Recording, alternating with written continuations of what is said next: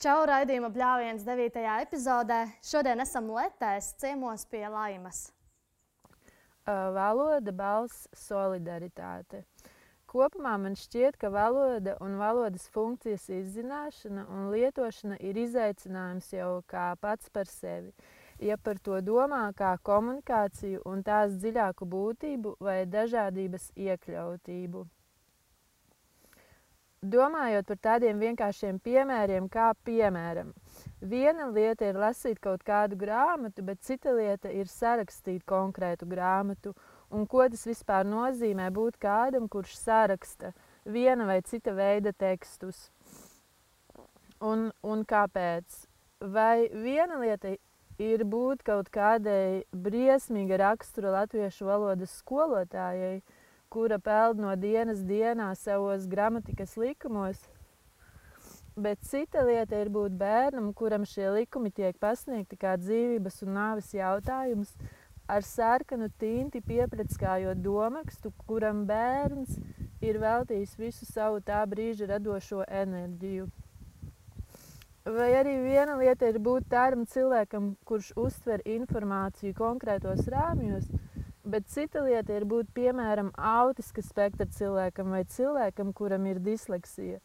Un viss šis tipiskais uztveres valodas process ir vienkārši neizprotams murgs. Man bērnībā ļoti riebās iet uz skolu un viss, kas tur notiek.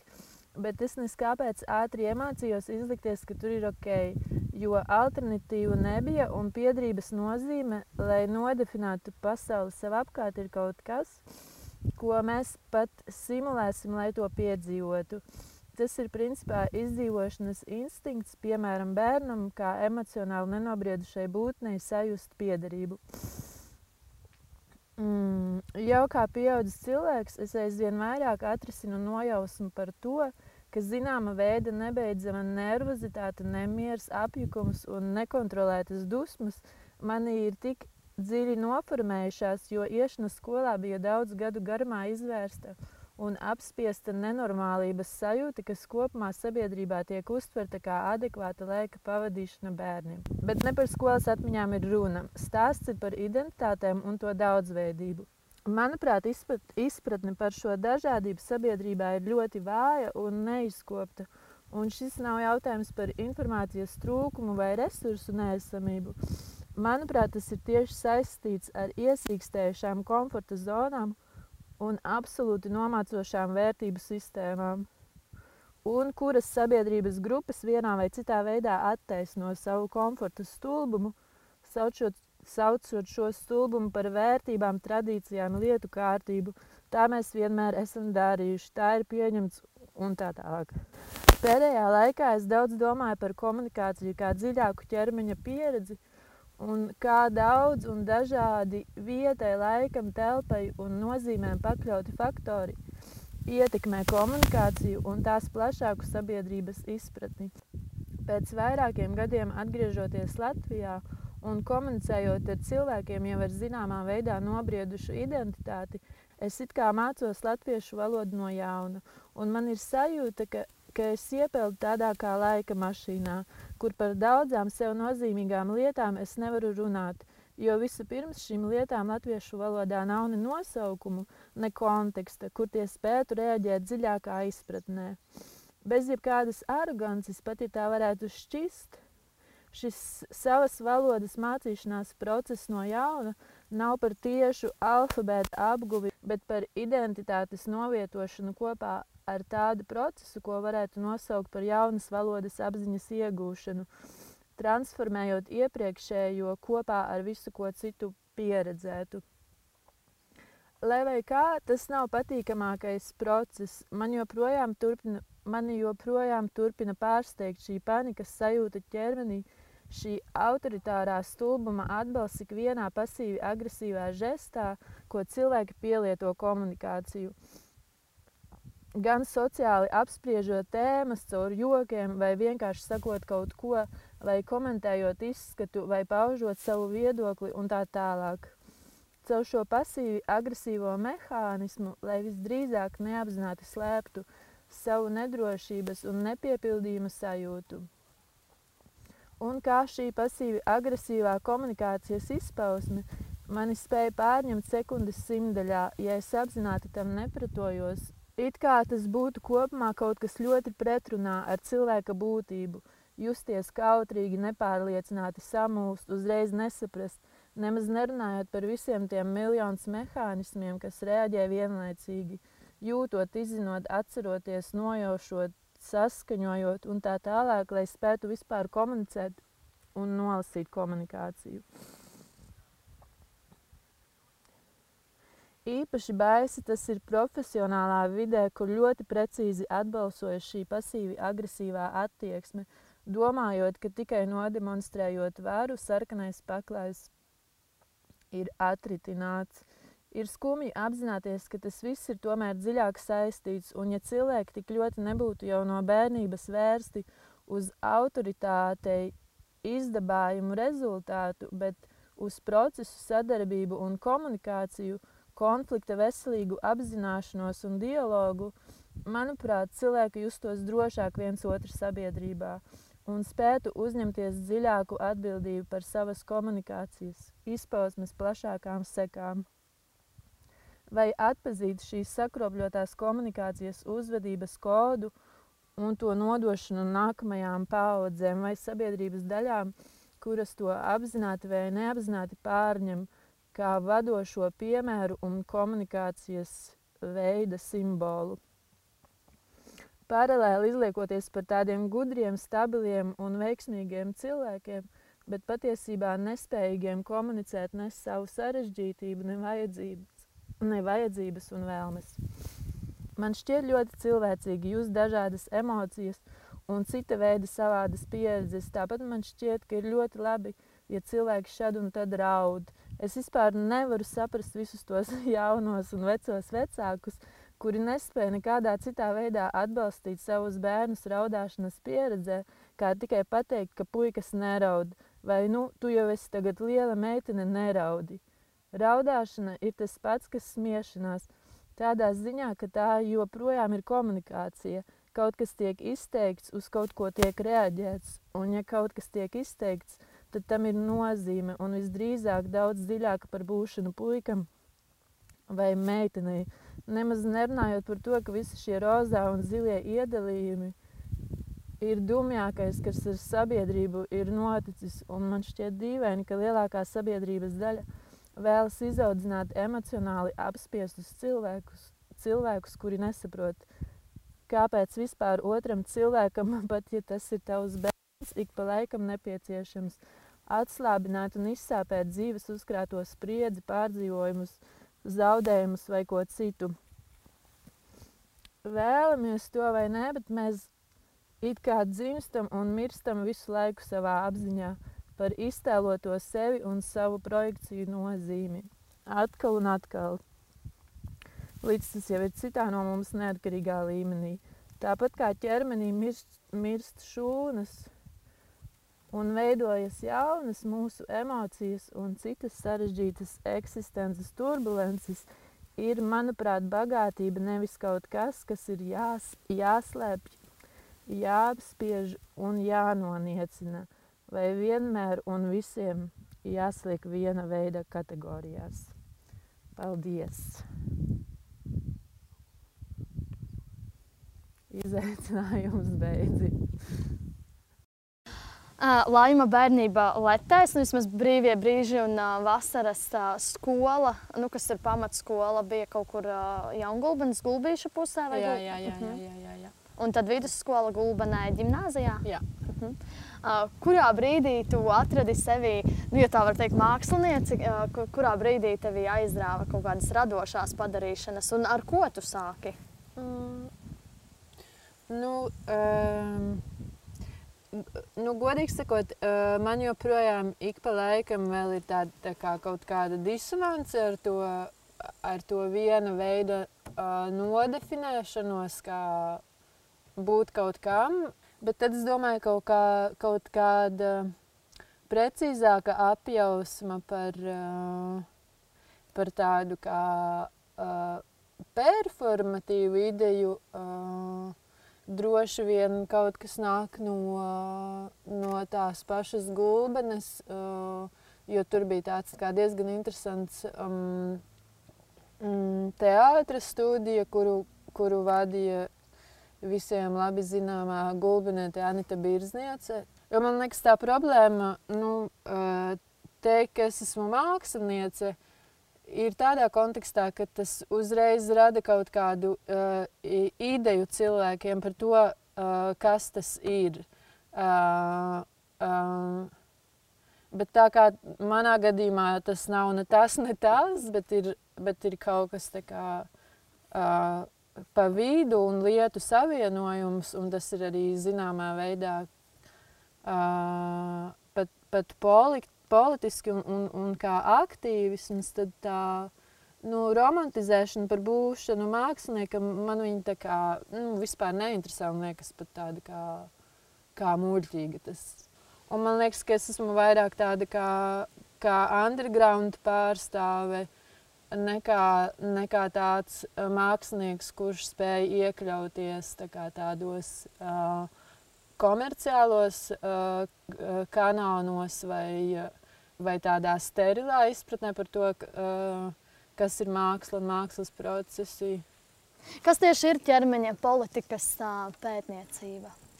Nu, tās, var būt, uh, tās var būt visādas lietas, bet tas ir um, saistīts ar ķermeņa identitāti un tad, kā, kā viņa formējas kā dažādos uh, kontekstos. Uh, uh, sociālā, struktūrālā, kā mēs esam pakļauti kaut kādiem lielākiem procesiem, uh, kur, kur, kur struktūras un institūcijas, dažādi veidi institūcijas, piemēram, ģimene arī ir institūcija, un, un tu kā cilvēks audz ģimenē un veidojies, un tev tie pieaugušie, nu, saka, šitā dari, šitā nedari, šis ir labi, šis ir slikti, un tas tev veido kaut kādu to ķermenisko pieredzi. Uh, Un, un tad, tie, tad ir tādi arī plašāki sociālie procesi, kur dažādas cilvēku grupas ir vai nav iekļautas, kur, kur, kurām grupām ir vairāk varas un iespēju, kurām, kurām ir mazāk. Tā, kā, nu, tā kopumā tas ir ļoti sarežģīts jēdziens, bet viņam apakšā iet kā, dažādi, ko varētu saukt par diskursiem, kas ir piemēram kā, uh, uh, feminisms, queer politics, gender studies. Uh, un tad, kā tas viss kā, var kļūt par, um, par procesu, kā, kā,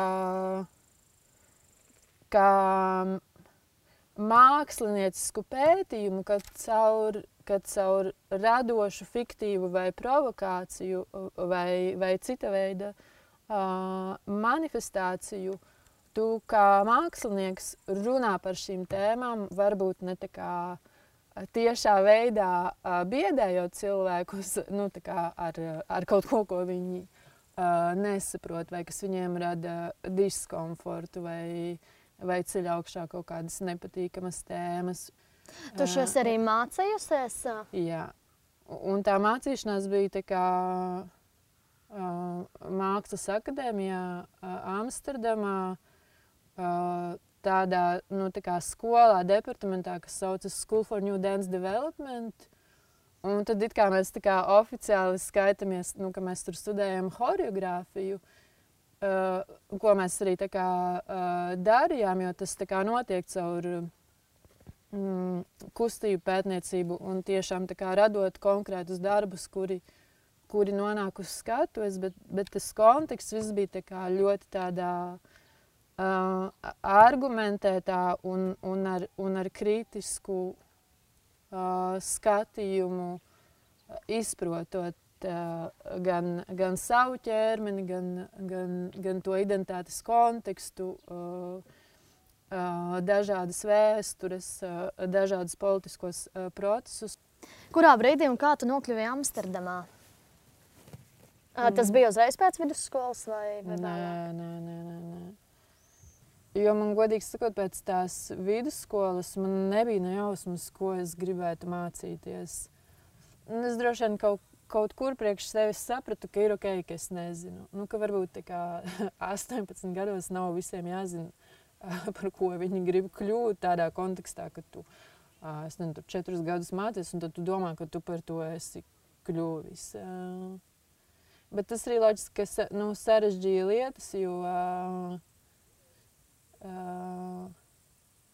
nu, jo tā zināmā veidā lietas bija, bija, bija sarežģītas. Kaut kādā piederības sajūtā pie procesiem. Jo man liekas, tie cilvēki, kuri nu, kaut kā pieredz dažāda veida alternatīvas, tu sāc aizdomāties par, par, uh, par principiem un kāpēc lietas notiek tā, kā notiek, un kāpēc tev vajadzētu vai nevajadzētu kā, sekot uh, vienai vai, vai cita veida kaut kādam procesam. Mm. U, jā, bet runājot par Amsterdamu, pirms es, pirms es nokļuvu uh, Amsterdamā, es uh, diezgan dīvainā veidā mācījos uh, to, ko sauc par uh, laikmatīgo dēļu. Uh, Dānijā, un pēc tam es nokļuvu Berlīnē uz kaut kādu, neatceros, nepilnu gadu. Un tas viss bija tā diezgan, diezgan spontāni vai kaut kā. Es vienkārši atradu kaut kādu stipendiju, lai varētu braukt uz to Dānijas. Viņiem ir tās tā kā tautas skolas, kur tur viss kaut ko var mācīties. Un, uh,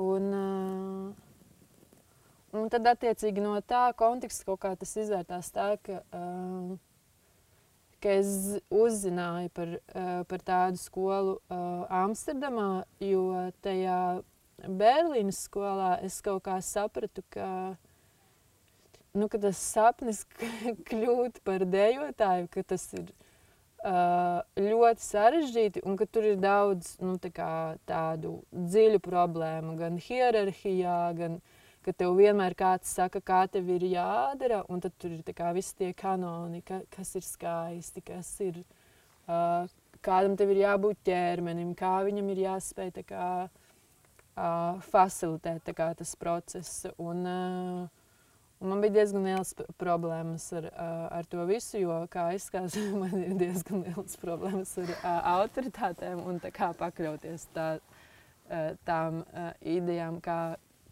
kam dzīvē ir jānotiek. Atgriežoties uh, pie vidusskolas laikiem un gulbenes, uh, tu biji arī aktīva jaunatnes lietās, ja? Jā, tā likās, ka, ka, ka, ka tam ir tāda kā vērtība un uh, droši vien kaut kāda kā piedrības sajūta vai, vai uh, Jā, vai kaut, kā, kaut kāda veida iespēja uh, realizēties vai, vai just kaut kādas uh, alternatīvas. Jo man liekas, nu, tā, tam brīdim tas, kā Gulbenē, piemēram, tas jauniešu centrs veidojās vai, vai, vai kaut kāda ideja par neformālo izglītību. Man liekas, ka tas bija tā ļoti spēcīgi un, un uzrunājoši, kas droši vien arī kaut kādā veidā ir atstājis iespaidu uz manām izvēlēm un izpratni par, par procesiem vai, vai kaut kādu to sajūtu, ka, nu, ka pasaule ir lielāka tikai par, par vienu vietu, bet ka katra vieta kaut ko nozīmē un, un ka, nu, kad ir jāpieņem kaut kāds process, ka tu nāc no konkrētas vietas un ka Un ka tam ir vērtība nevis izvairīties un izlikties, ka tev ar to nav nekāda sakara. Un tad, un tad nu, jā, nezināt, nekas tu esi, ne, neko tev tās vietas nozīmē. Tu esi arī um, Gulbens pusē realizējusi šādus tādus mākslas projektus, vai ne? Jā, man ir tāda draudzene Gundaga Šķēla, un viņa kādu laiku tā kā uh, nu, viņai tā, tādas uh, krampes, un tad viņi tur kā, mēģināja uh, kaut kā to laikmet, laikmetīgās mūsdienu mākslas kontekstu parādīt um, gulbinē, un tad mēs tur uh, mēģinājām kaut ko darīt. Es, es atceros kaut ko, kad es tajā mākslas skolā kaut ko tur bērniem stāstu par performanci. Uh, Tagad ikdienā tas ir Rīgā. jā. Bet es nezinu, cik es tur ilgi palikšu, jo, uh, jo man kaut kas tur garlaiko. Uh, kas ir tās lietas, kas uh, tevi raksturo? Nu, kaut kā tā, tā izaicinājuma kontekstā viena no lietām noteikti ir, um, ir teksti un tāda tā, uh, dzīvošanās starp, starp dažādām uh, valodām un, un kontekstiem. Man liekas, tas kaut kāds utopiskais sapnis uh, kļūt par tādu self-made profesoru ir kaut kas, kas kā, man ļoti uh, raksturo. Un, un, un kaut kā tie visādi tekstu faili un, un, un grāmatas un sakopētas un izprintētas kaut kādas uh, uh, lapas un, un uh, jā. Tad vēl es domāju, ka, ka man raksturo tas, ko mēs jau tikko runājām par to, ka kaut kā ir, nu, ka man ir grūti uh, pieņemt kaut kādu tikai, nu, ja man prasa, kas tu esi, ko tu dari, tad es ļoti sabīstos, ja man ir jāizvēlas kaut kāda konkrēti uh, viena lieta. Līdz ar to es domāju, ka man ir raksturo kaut kāda te kā, uh, personības un, un identitātes šķelšanās, kas tā kā, nu, no vienas puses ir, ir aizraujoši, bet no otras puses tur arī tās uh, personības un identitātes nu, nav tā, ka viņas vienmēr tur draudzīgi uh, savā starpā uh, uzvedās. Jā, kaut kādas tādas uh, visu laiku pretrunas, man liekas, ka man ir raksturo. Un tad, nu, vēl droši vien um, uh, ērti apavi. Uh, man patīk tādi apavi, kur ir tādi kā drusku smagi, jo tad man liekas, ka viņi man tā kā notru pie zemes, jo, jā, jo visādi vēji var, man, var mani visu kaut kur aizpūst. Jā. Uh, tavs uh, tekstuālais izaicinājums, uh, kā tas nāca un kādēļ tieši tāds? Mm. Mm. Nu, visdrīzāk, tas ir saistīts ar to uh, atgriešanās procesu Latvijā uh, un, un, un izaicinājumiem, uh, nu, tādiem, kurus uzreiz nevar aptvert, ka viņi notiek, bet tad, uh, bet tad es kaut kā pēdējā laikā sapratu, ka, nu, man runāt latviešu valodā ir grūti, ka, ka man, kā, man ir tāda sajūta, ka es nevaru izteikties vai, vai nemaz nerunājot par kaut kādu projektu pieteikumu rakstīšanu uh, latviešu valodā. Man bija tāda sajūta, ka es tā kā, mm, uh, man ir ko teikt, bet es nevaru atrast kā, to mehānismu, kā to izdarīt. Un tad es domāju, ah, nu, okay, man būtu labs izaicinājums mēģināt noformulēt uh, un kaut kā rezonēt uz to lielāko izaicinājumu procesu caur tieši tā kā rakstot un tad kaut kā verbalizējot to, uh, uh, to sajūtu par jā, tā, tādiem sarežģītiem tiem, uh, vietu piederības procesiem. Vai... Jā, man nu, tā kā vienkārši nebaidīties runāt un, un nevis tā kaut kā pompozi un, un ar kaut kādiem tur tikai skaistiem vārdiem, bet jā. Uh, cik sen jūs dzīvojat Latvijā? Šī ir Latvijas no 58. gada janvāra. Tas bija tas laiks, kad, kad Latvijas vēl tapa kā vieta. Nē, viņas jau, jau bija. bija. Mm -hmm. bija. Jūs atnācāt, kad te bija lapsas. Jā. jā? Mm -hmm. Jūs arī strādājāt? Trīs brigādes bija. Nē, nē, es neesmu fermā strādājis. Es biju grām, no grāmatvežiem. Mm -hmm. Kādas jūs atceraties Latvijas kādreiz? Apdzīvotas. Visas vietiņas bija aizņemtas ar dzīvokļiem un kopmītnē dzīvoju. Es pati kopmītnē dzīvoju, kad nācu te nebija.